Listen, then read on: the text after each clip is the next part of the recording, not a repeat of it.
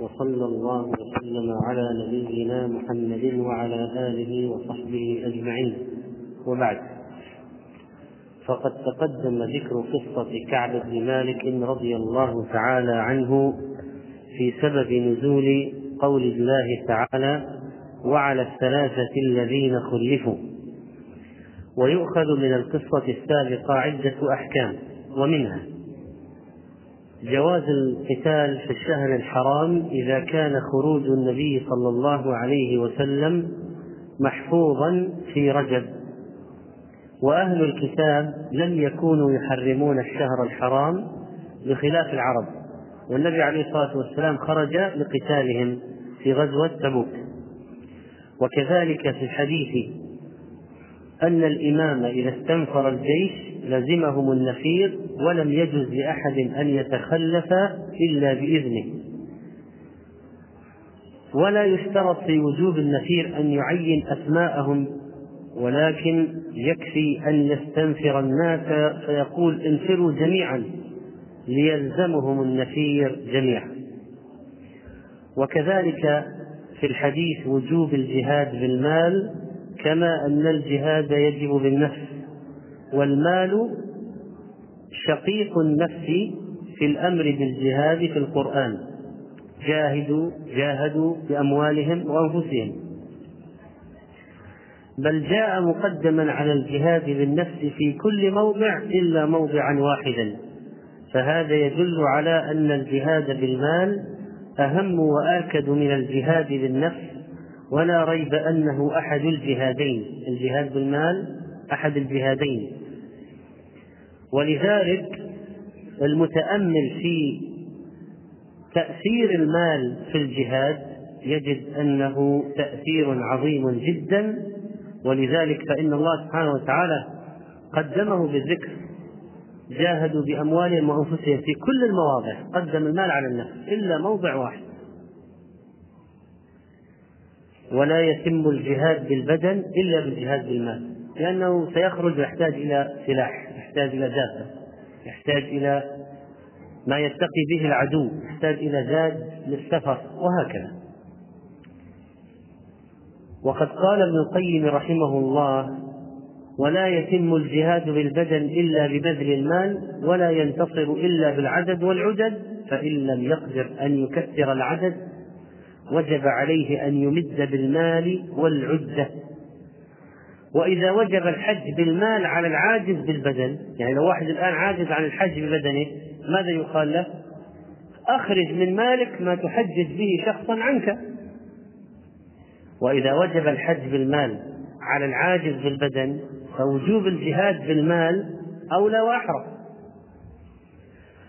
وفي هذه القصة العظيمة منقبة لعثمان بن عفان من النفقة العظيمة في هذه الغزوة وقد سبق الناس بالإنفاق. حتى قال له النبي صلى الله عليه وسلم ما ضر عثمان ما فعل بعد اليوم. وكان قد أنفق في غزوة تبوك ألف دينار وثلاثمائة بعير بعدتها وأحلافها وأقتابها.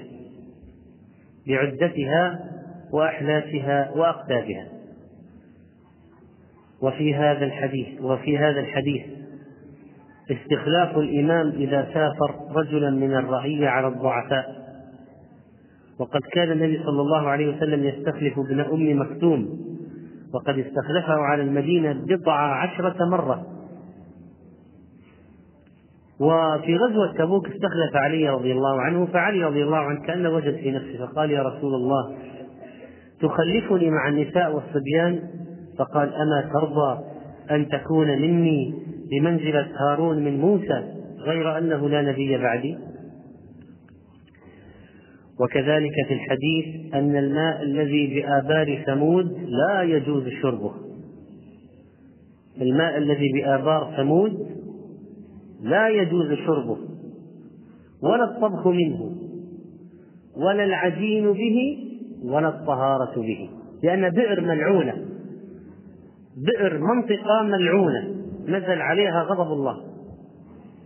وهذه المنطقة الملعونة التي حلت بها لعنة الله ونزل عليها غضبه وعذابه في قوم كفروا بالله وأشركوا به وكذبوا صالحا وعقروا الناقة وعتوا عن أمر ربهم وقالوا ائتنا بعذاب الله. قالوا النبي بكل وقاحة وصلافة وتكذيب ائتنا بعذاب الله. فالله عز وجل أرسل عليهم صيحه عظيمة. في ذلك المكان قطعت قلوبهم في أجسادهم. والنبي عليه الصلاة والسلام لما مر من المكان هذا مر مسرعا.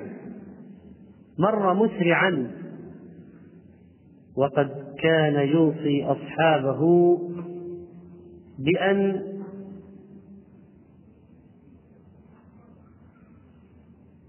يسرعوا بالمرور ويتأثر لهذا المكان الذي نزلت به هذه اللعنة والغضب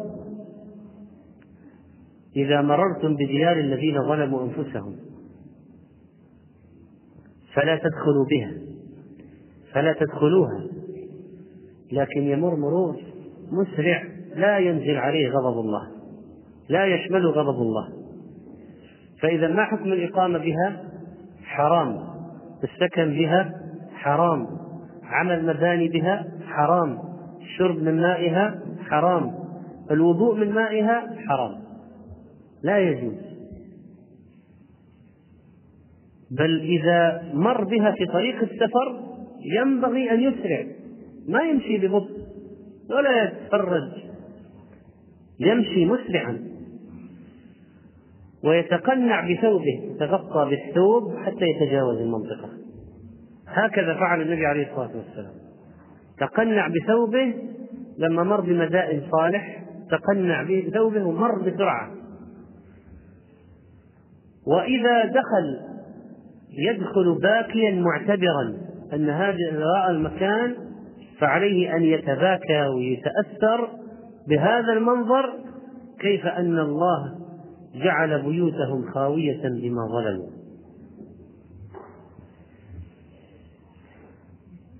وبذلك تعلم أن من ذهب إليها للتصوير آثم. يمكن أن تدركه لعنة الله. لأن هذا مكان نزل فيه غضب لعنة. عذب الله فيه قوم. فالدخول للفرجة والاستئناس والأكل والشرب.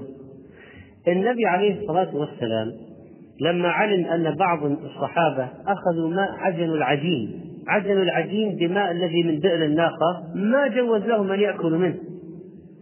حرم عليهم الأكل من العجين المعجون بماء بئر الناقة. وأمر بإطعامه للإبل. جواب لا يجوز. وقد قيل في الحج إن النبي عليه الصلاة والسلام أسرع في وادي محسر الذي هو منطقة لا هي من مزدلفه ولا من منى. هذه منطقة وادي محسر ليست من مزدلفة ولا من منى. لما مر بها أسرع. لماذا؟ قالوا إنه مكان نزول عذاب. نزل على أبرهة ومن معه. لما كانوا بهذا المكان جاءهم عذاب الله. إذا أي منطقة عرفنا يقينا أن فيها نزل عذاب الله؟ فلا يجوز دخولها إلا للاعتبار والتأثر والتفكر ولا يجوز دخولها للفرجة ولا للسياحة ولا للتصوير ولا للأكل والشرب ولا للنوم ولا للإقامة.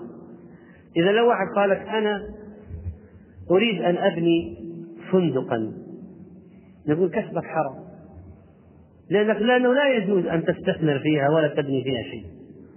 منطقة الذين ظلموا أنفسهم.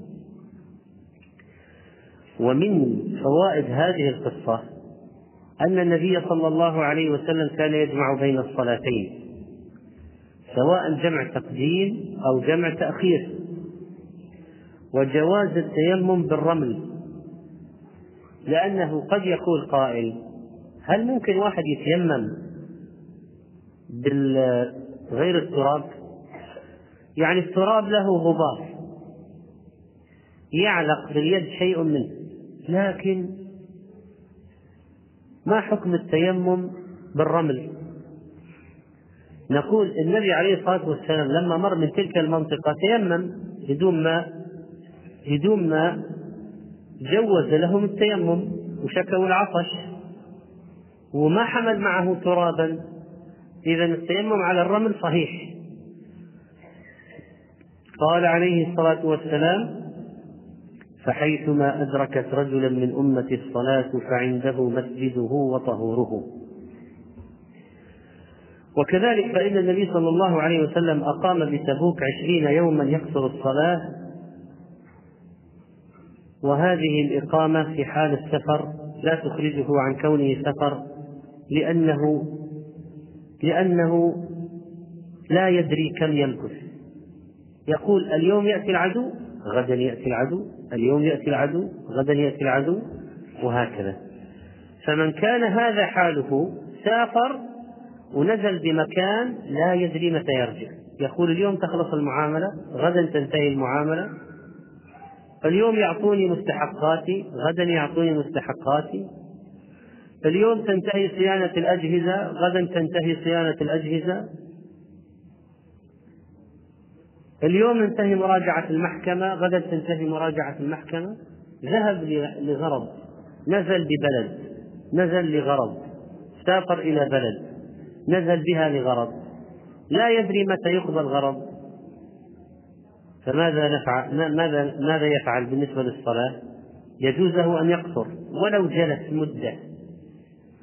لكن جمهور العلماء قالوا إذا نوى الإقامة ببلد أكثر من أربعة أيام يعني من أول وصوله من أول وصوله هو ينوي الإقامة فيها أكثر من أربعة أيام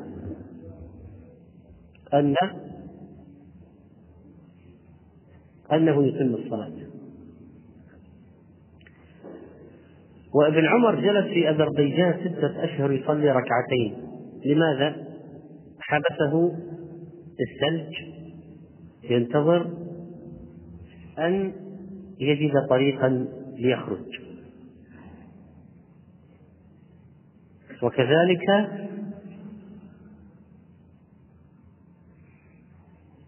فإن قول الإمام أحمد رحمه الله في هذه المسألة إذا نوى إقامة أربعة أيام أتم وإن نوى دونها قصر. واستدل بأن النبي صلى الله عليه وسلم فتح مكة واستدل بأن النبي صلى الله عليه وسلم لما ذهب إلى الحج دخل مكة يوم أربعة خرج إلى ميناء يوم الثامن. كان في هذه المدة يقصر الصلاة وهو يعلم أنه يمكث هذه المدة. أربعة خمسة ستة سبعة ثمانية خرج. و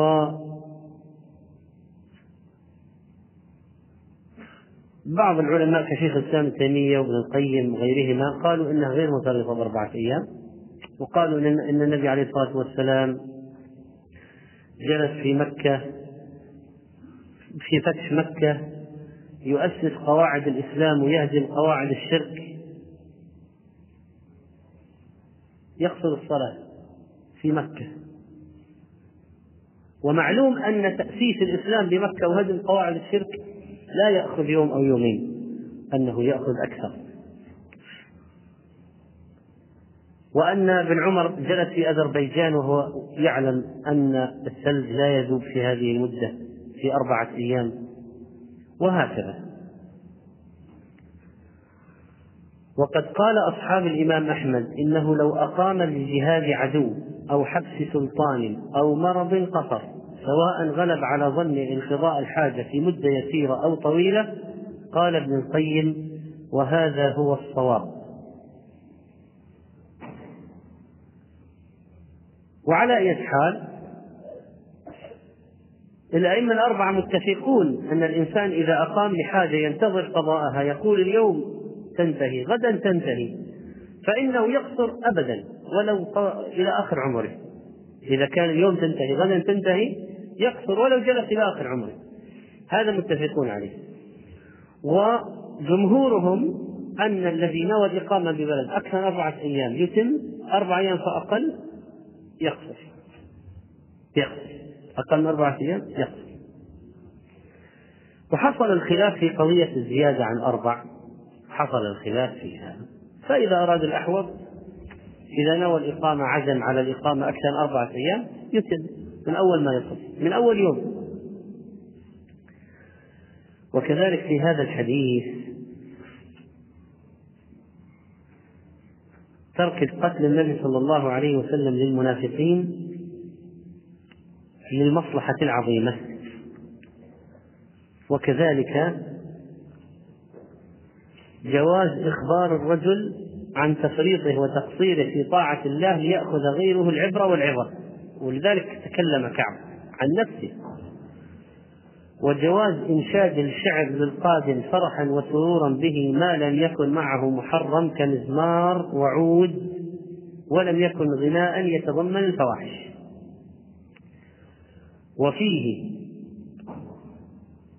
جواز مدح الإنسان بما في نفسه من الخير نفسه بما في نفسه من الخير إذا لم يكن على سبيل الفخر والترفع. وكذلك تسلية الإنسان نفسه عما لم يقدر له من الخير بما قدر له من نظيره أو خير منه. يعني يمكن فاتك عمره في رمضان مثلا. لسبب مثلا تمريضك لأمك. فتقول معزيا نفسك أنا صحيح فاتتني عمرة رمضان لكن عزائي أنني اشتغلت بعمل صالح آخر وهو تمريض أمي مثلا. فجواز أن يعزي الإنسان نفسه على فوات خير بغيره من أعمال الخير التي أشغلته. هذا ولا هذا ولا هذا. هذا يعزي نفسه بماذا؟ ما عنده شيء يعزي نفسه. يقول عزائي إني كسلان عزائي إني نايم عزائي ماذا يفعل؟ عزائي إني مشتغل بالمعاصي تارك العمرة والقيام والصيام تارك الصيام. مش عزاء فيه. المشكلة الذي لا يجد شيئا يعزي نفسه به. وكذلك في الحديث أن بيعة العقبة كانت من أفضل مشاهد الصحابة. وأن الإمام إذا رأى المصلحة في أن يستر عن رعيته بعض قصده عن العدو أنه يفعل ذلك ويستخدم التوحيد وأن الستر والكتمان إذا تضمن مفسدة لم يجوز. وأن الرجل إذا حضرت له الفرصة للقربة والطاعة فالحزم كل الحزم أن يبادر وينتهز الفرصة ويعملها قبل المرض وقبل التسويف وقبل الشواغل قبل الصوارف. فإذا خير البر عاجله. أقدم أقدم. ومنها أنه ما كان أحد يتخلف عن النبي عليه الصلاة والسلام إلا منافق معلوم النفاق. أو رجل من أهل الأعذار. أو رجل تخلف لمصلحة شرعية مثل علي وابن أم مكتوم في قضية الإمارة على المدينة في غياب النبي عليه الصلاة والسلام. ومنها أن الإمام والمطاع لا ينبغي له أن يهمل من تخلف عنه. يعني قائد الجيش ينبغي أن يتفطن لمن لم يخرج ويذكره ويرجع وي وي وي ويعظه ويبين له. والنبي عليه الصلاة والسلام قال ما فعل كعب. وكذلك في الحديث جواز الطعن في الرجل بما يغلب على اجتهاد الطاعن. ذبا عن الله ورسوله. ولذلك طعن أهل الحديث في أشخاص قالوا هذا ضعيف هذا سيء الحفظ. هذا يزيف النقود. طعنوا في بعض الرواة لأنهم كانوا يزيفون النقود. قال هذا يزيف العملة ممكن يزيف الحديث. ما في أمانة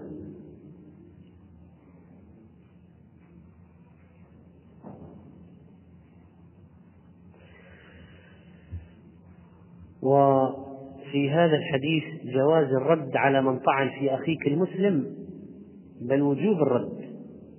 كما قال معاذ بئس ما قلته.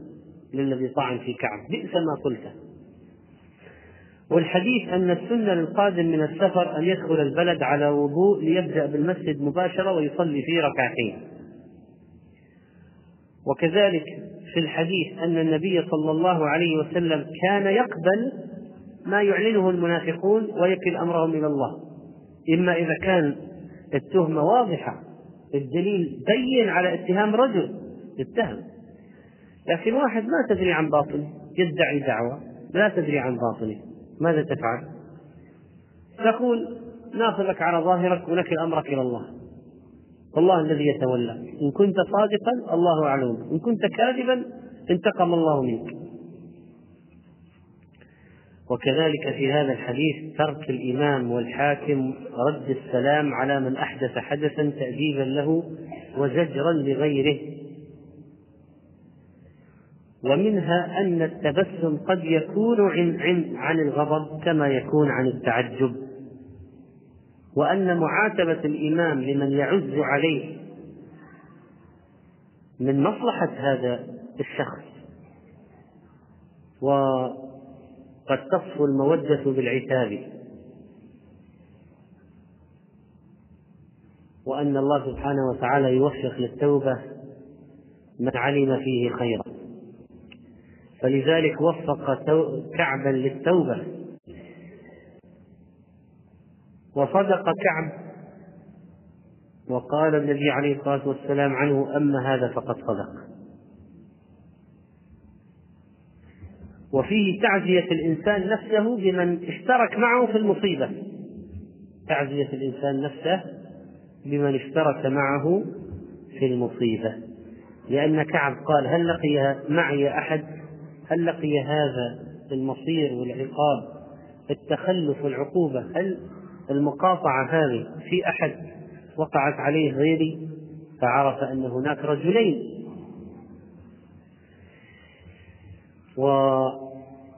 والاشتراك في المصيبة يهون المصيبة. ولولا كثرة الباكين حولي على إخوانهم لقتلت نفسي.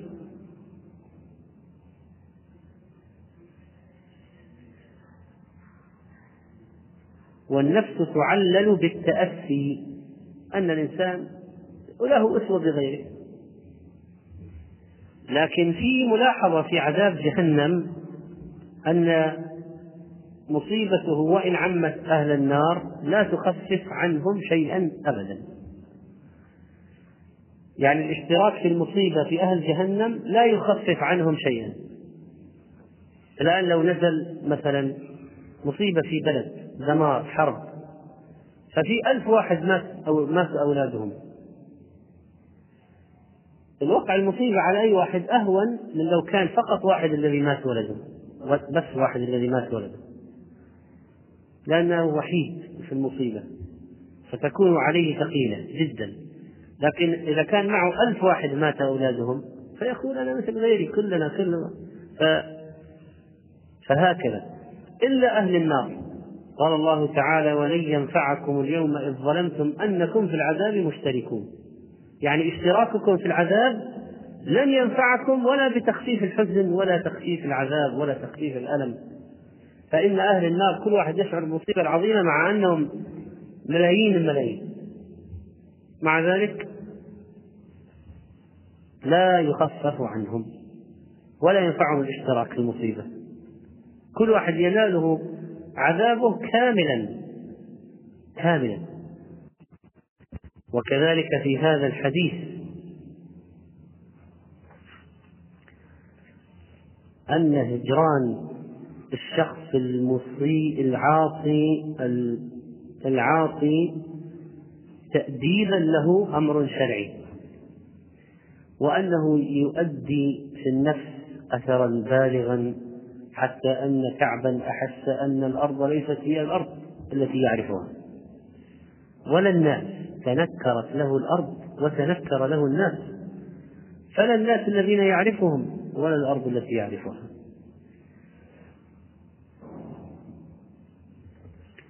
لكن إذا كان مقاطعة واحد تزيده ضلالا. يعني مثل فلان قاطعوه. إنه يفعل المنكر الفلاني. قام قال هذا الحمد لله أنا أصلا أنتظر هاللحظة من زمان. دائما تأتوني وتؤذوني بالنصائح. أنا أبغى تقاطعوني حتى أنفرد بالشلة وآخذ راحتي. ويزداد سوءا. فالمقاطعة هنا هل تفيده؟ لا.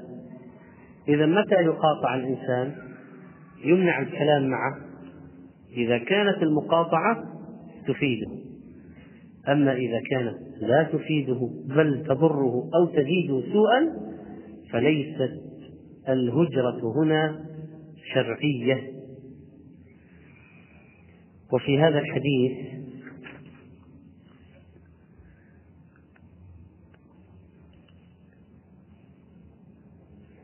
أن سجود الشكر مشروع وتبشير المسلم لأخيه المسلم مشروع وإعطاء المبشر هدية مشروع واستحباب التهنئة على النعم الدينية. مثلا ولدك حفظ القرآن يقول الآن نهنئه يقول مبارك عليك هذا الولد الذي حفظ القرآن. ليهنك هذا الولد.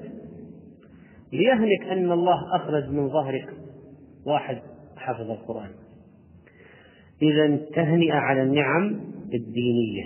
لأن الناس تعودوا على التهنئة بالأشياء الدنيوية. جاءت له ترقية جاء منصب جاء زيادة علاوة تهاني. جاء ولد تزوج تهاني. لكن واحد حفظ القرآن أو ابنه حفظ القرآن يعني جاءته نعمة دينية. دينية. مثلا أتم حفظ البخاري. تفقه على شيخ وأنهى كتابا مثلا في الفقه. هذه نعمة دينية. فالناس ينسون التهنئة بالنعم الدينية ويهنئون بالنعم الدنيوية. لكن قصة كعب تبين لنا لما تاب الله عليه كل الصحابة هنأوا كل الناس راحوا أفواج أفواج. إذا استحباب تهنئة من تجددت له نعمة دينية. والقيام إليه ومصافحته. وأن ذلك سنة. لماذا قلنا تجددت؟ لأن الآن لو واحد قال أنا كل يوم سأسجد سجود شكر. ليش؟ قال لأني كل يوم أنا في نعمة. أن الله أنعم علي جعلني أحيا إلى هذا اليوم وجعلني سليما صحيا إلى هذا اليوم. كل يوم بسجد شكر نقول ليس بمشروع. ليش؟ لأن النبي عليه الصلاة والسلام ما فعل. مع أن النعمة التي تقولها أنت حد أنها لك النبي عليه الصلاة والسلام حصل له مثلها ولا لا؟ أو أكثر؟ وما سجد كل يوم شكر. إذا كل يوم سجود شكر بدعة. إذا متى يكون سجود الشكر؟ إذا تجددت نعمة حدثت نعمة استجدت غير الشيء المعتاد. فلو الآن جاء خبر مقتل طاغية من الكفار. عظيم. قتل منهم شخص عظيم. قائد جيش رئيس وزير من الكفار الذين أنكوا بالمسلمين هذه نعمة متجددة هذه نعمة حادثة.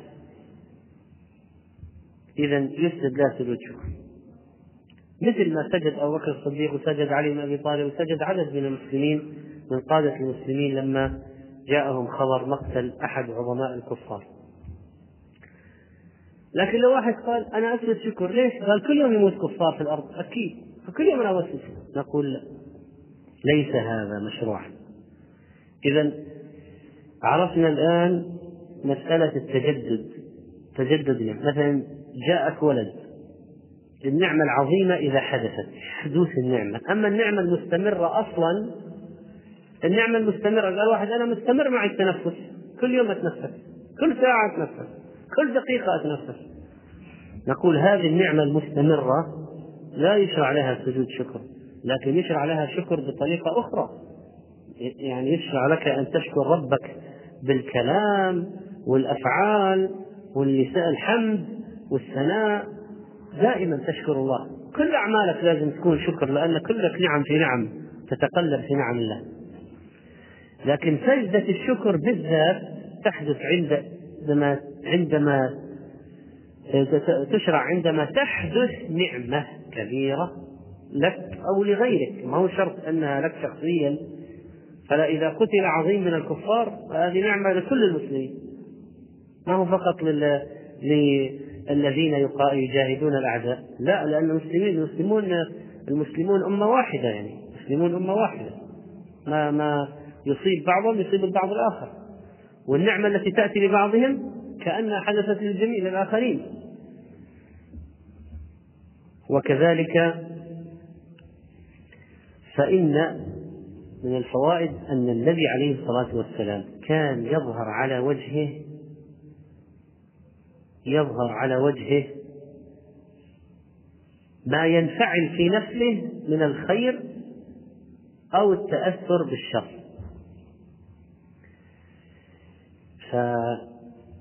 فالنبي عليه الصلاة والسلام شخصية واضحة. ووضوح الشخصية من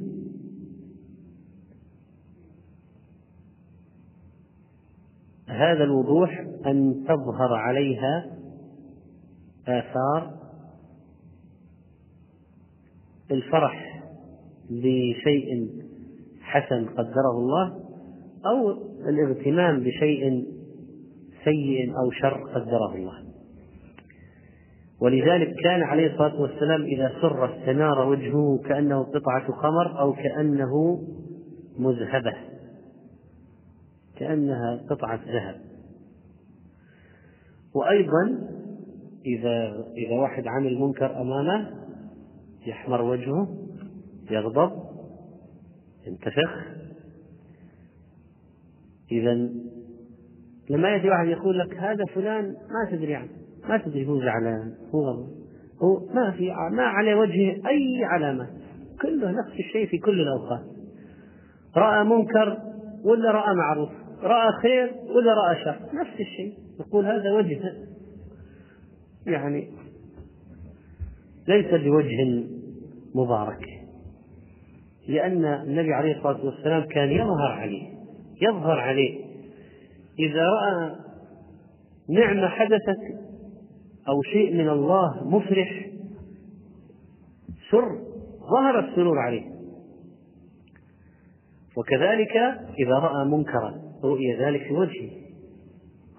أما الشخص الذي لا ينفعل فهذا الدليل على موت قلبه أو على أنه إنسان ملتوي غير واضح. ليس على طريقة الأنبياء وسيما الأنبياء. وكذلك في هذا الحديث أن من شكر النعمة الصدقة بالمال. ولذلك أراد كعب أن يتصدق بماله. وأن الإنسان إذا نذر أن يتصدق بماله كله أنه يكفيه الثلث أنه يكفيه الثلث. والفائدة الأساسية من قصة كعب عظم مقدار الصدق وتعليق سعادة الدنيا والآخرة بهذا العمل وأن الله لا ينجي بمثل الصدق ولا يهلك بمثل الكذب وأن الله أمر عباده أن يكونوا مع الصادقين وأن أهل الصدق والتصديق هم السعداء وأهل الكذب والتكذيب هم الأشقياء وأنه لا ينفع العباد يوم القيامة إلا الصدق وأن من آفات المنافقين الكذب وأن أعرف ما أعظم ما يعرف به العبد من الأخلاق المسلم الصدق. وأعظم ما يطبع عليه من الخلال الحسنة الصدق. وأعظم ما يطبع عليه المنافق الكذب والخيانة. فهذا طرف مما جاء في قصة كعب رضي الله عنه وغزوة تبوك من الفوائد. نسأل الله سبحانه وتعالى أن يجعلنا من أهل السنة وأن يكون ممن اهتدى بهدي محمد صلى الله عليه وسلم. يقول السؤال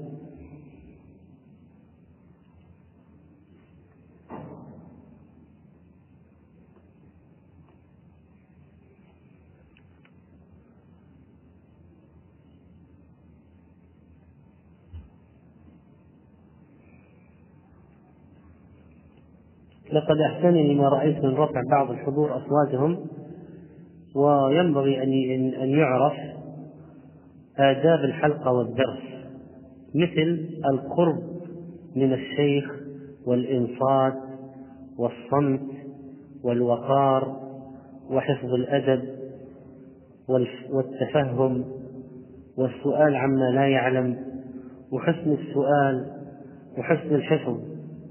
ونشر العلم عند أهله فهذه طائفة من آداب التعلم. وينبغي على الإنسان المسلم إذا جلس في حلقة علم أن يستحضر يستحضر أنه ربما يجلس معه ملائكة ملائكة يحيطون بالجلوس ما بين السماء والأرض.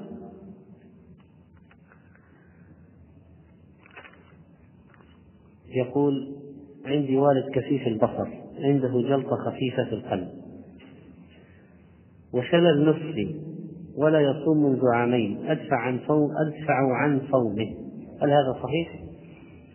إذا كانت به هذه العلل والأمراض ولا يستطيع الصيام فدفع الفدية عنه صحيح. ففدية طعام مسكين. ففدية طعام مسكين.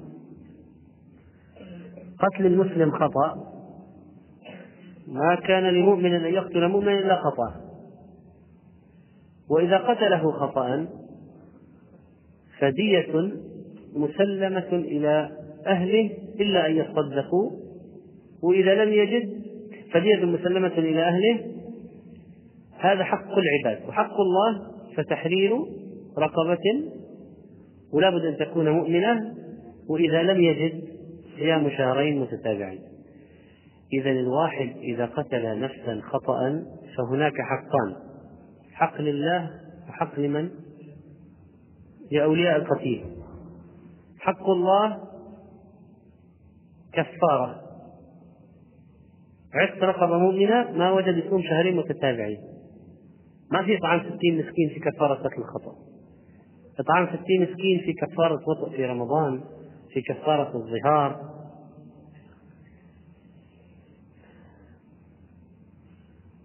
أما بالنسبة لحق العباد فدية مسلمة إلى أهله إلا أن يصدقوا. الدية على من؟ على العاقلة. عصبة القاتل بالخطأ. أقرباؤه. قبيلته. يقول هل تصح صلاة التراويح مع إمام والقيام مع إمام آخر؟ نعم تصح. ولو صليت مع ذات الإمام أحسن.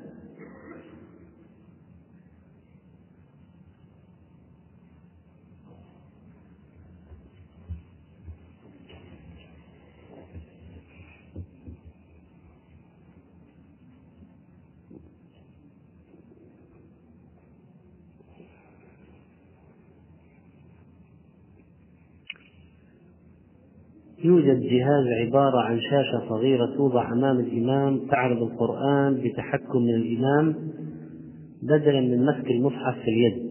فما حكم ذلك؟ مبدئيا مبدئيا القراءة من المصحف أو من شاشة هو قراءة. وقد تكون الشاشة أحسن من من من جهة يعني أنه لا يفوت وضع اليدين على الصدر. نعم. ولا ينشغل بتقليد الأوراق. إذا كان لو ضبط على سرعة معينة قد يضغط زر فقط مرة في كل ركعة. لكن ينبغي أن نتأنى في مثل هذه الأشياء لأن مثل هذه الإحداثات والاختراعات لا ندري تتسلسل وتؤدي بنا إلى أين.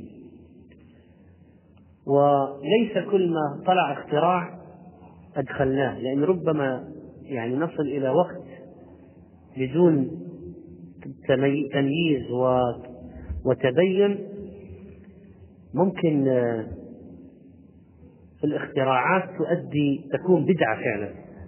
يعني مثلا لو واحد قال ليش ما يجعل صحن الحرم حول الكعبة عبارة عن أرض على قاعدة متحركة. يدخل ناس تلف فيهم سبع مرات يطلعوا تدخل الدفعة اللي بعدها مرتب كذا منظم سبع مرات مثلا. ليش ما يصير مثلا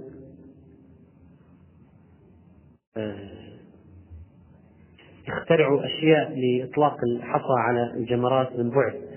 بحيث يتمكن الناس البعيدين من الرمي. وليش ما توضع خزانات تحت الجمرات بحيث تبلع الحصى بدل ما يتكوم ويتساقط ويصير تصريف آلي؟ وليش ما يسووا مثلا في عرفة أدوار بحيث أن الناس لو أراد واحد أن يعني يقف خمس نجوم بالطائرة مثلا أو بأشياء يعني مرتفعة مراكب يقفون في سماء عرفة إذا كان ليش ما وليش ما ممكن نصل في النهاية إلى حد غير فكري. ما ما أنزل الله به من سلطان. ولذلك ينبغي التأني في قضية المخترعات والمكتشفات هذه من ناحية المساجد والأشياء مشاعر العبادة. لأن يا أخوان في قضية مهمة وهي مثلا الإحداث في مشاعر العبادة. الإحداث. يعني مثلا مسجد أو مشعر مشاعر عبادة حرم منى عرفة تحدث حدث فيه ممكن آه، يقضي على مقصد شرعي أو يكون بدعة أو يكون بدعة.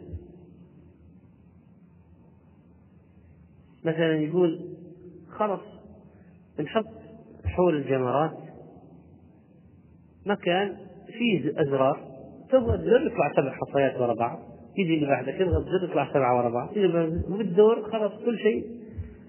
فالقضية الاكتشافات والاختراعات لما تجعل في المشاعر ممكن تخرجها عن عن حدها الشرعي ولذلك ينبغي أن لا تمر مثل هذه القضية بسهولة.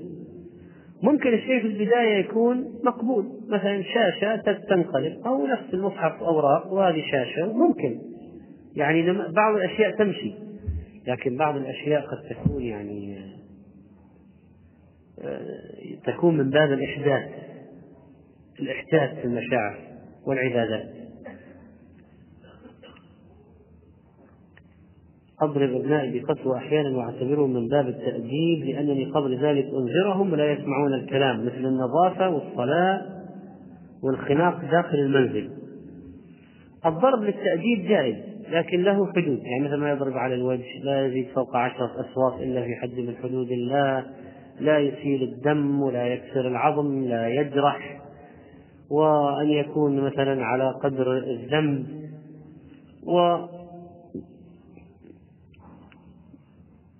لا يضرب الطفل الذي لا يفهم. يعني ممكن مثلا واحد عمره سنتين يضرب لأنه يبول يضرب. يمكن ما يفهم منه. ليش؟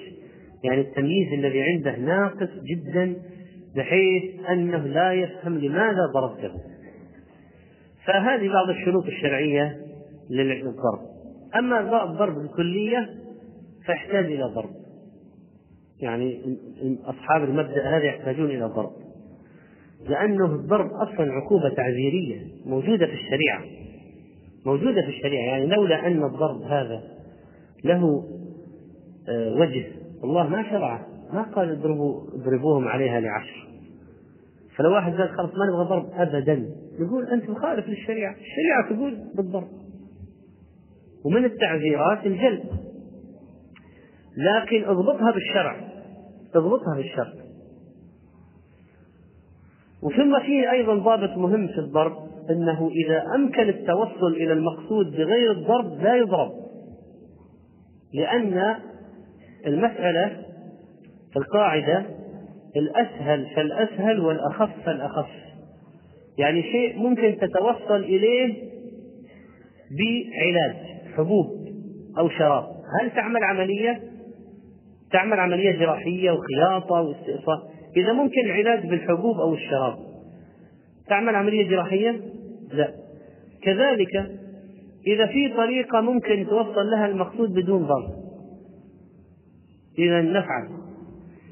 لكن لو كان لا يمكن ما جربنا الوسائل. رغبناه بالمال رهبناه بالكلام عاقبناه هجرناه بعدم الكلام معه قاطعناه سوي ما ما افاد إذا وكان الضرب يغلب على الظن أنه يفيد. هذا أيضا من الضوابط هذا من الضوابط. أن يغلب على الظن أن الضرب يفيد مثلا.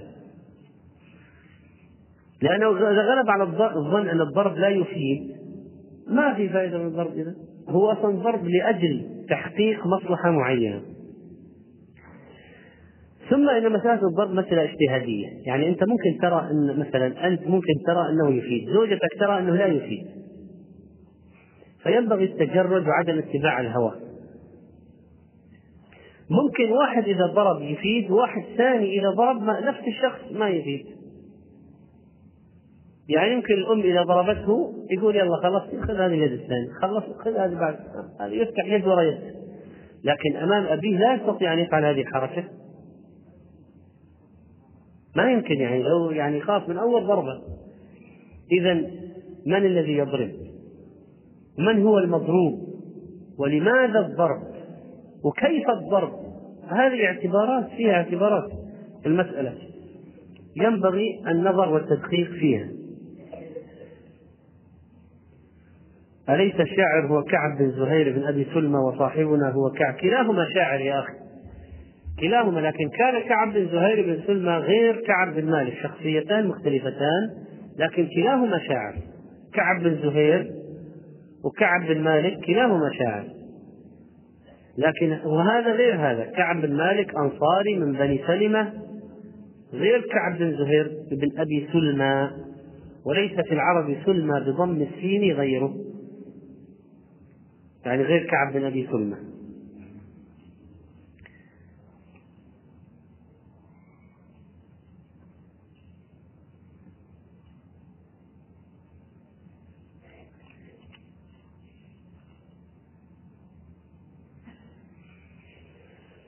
نذرت على نفسي نذر كل شهر جزء من الراتب. ينفق في سبيل الله. هل واجب علي إخراجه بمجرد قبضي أم أوزعه في وقت على مدار الشهر؟ أنت ممكن توزعه على مدار الشهر بس لازم تخرج من كل راتب الجزء هذا. يعني أنت نذرت كل شهر جزء من الراتب. يعني قلت أنا خمسة في المية كل شهر أتصدق فيها. مثلا افرض راتبك خمسة آلاف. كم خمسة في المية؟ خمسين ريال. مثلا. فيكون هذه عشرة في المية. خمسة وعشرين ريال. طيب إذا نذرت معناها كل راتب كل راتب لازم تطلع منه 25 فما يجوز إنك تقول راتب رمضان ما راح أطلع منه شيء لأنه فيه عيد ومصاريف. أطلع من راتب شوال 50 ما يصلح. لأنك أنت نذرت من كل راتب نسبة من كل راتب. إذا لازم تطلع كل راتب. لكن هل يشترط أن تخرجها في أول الشهر؟ لا أنت ما حددت في أول الشهر. إذا أنت على مدى الوقت يمكن أن تخرج من كل المهم أن تخرج من كل راتب هذه النسبة. هذا الذي نذرته فحقق نذرك.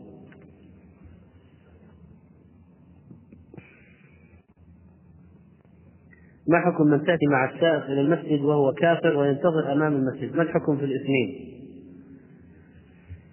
أما الحكم في الكافر أن يسلم. إيش الكافر يعني؟ ماذا؟ ليس بعد الكفر ذنب. ولذلك الكافر لا يقال له حرام عليك الخلوة. أصلا قبل قبل الخلوة الآن في كفر. لكن المرأة هذه لا بد أن تتقي الله عز وجل أن تتقي الله وأن لا تختلي بالسائق ولو في الذهاب إلى المسجد. ولو في الذهاب إلى المسجد. فلا بد أن يكون معهما من يزيل الخلوة ممن يستحيا من مثله كابن عشر سنين. أو امرأة أخرى أو رجل ثقة آخر. امرأة انقطع عنها دم الحيض قبل طلوع الشمس في رمضان واستمرت في إمساكها حتى المغرب دون أن تغتسل. هل يحسب هذا الصوم يوما أم إذا كانت واحد بيتت النية؟ اثنين لم تبيت النية. إذا لم تبيت النية لا يحسب. إذا بيتت النية يحسب ما دام الدم قد انقطع طيلة النهار. طواف الوداع في العمرة الجمهور على أنه مستحب. شراء زكاة الفطر من بائع نصراني جائز إذا كنت متأكدا أن هذه صدقة مجزئة بالغة. الحد الشرعي والنصاب وهو صاع من طعام.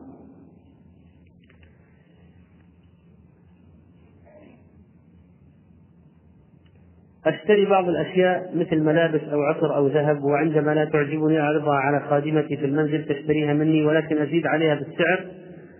وأخبرها أن ذلك ليس سعرها وأنني زدت في سعرها فتوافق. إذا كانت عاقلة غير مغفلة ولا بلهاء فيجوز البيع عليها ما دامت من ما دامت لها أهلية شرعا للشراء فما دام تم التوضيح يعني تقول أنا الآن ببيع عليك هذا السعر الذي أبيع عليك أنا أضع السعر من عندي ما لي دخل في السوق يمكن أكثر يمكن أقل أنا أبيعك أبيعك أنا أبيعك الآن أنت تشتري مني فلا بأس لأنك وضحت.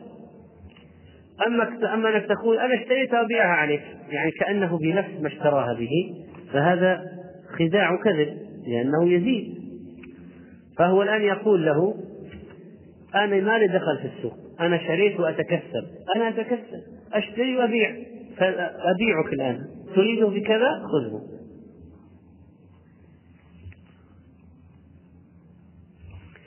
هل في وضع المصحف على الأرض امتهان له؟ إذا ما قصد الإهانة وكانت الأرض نظيفة فلا بأس. كرجل أراد أن يسجد سجدة التلاوة. أين يضع المصحف؟ فوضعه على الأرض. أرض نظيفة وسجد. ما قصد الإهانة؟ قصد أن أن يسجد على الكفين. حتى لا يسجد كما يفعل بعض الناس على يمسك المصحف ويثني يده. يريد يسجد على الكفين. فهذا لا بأس به.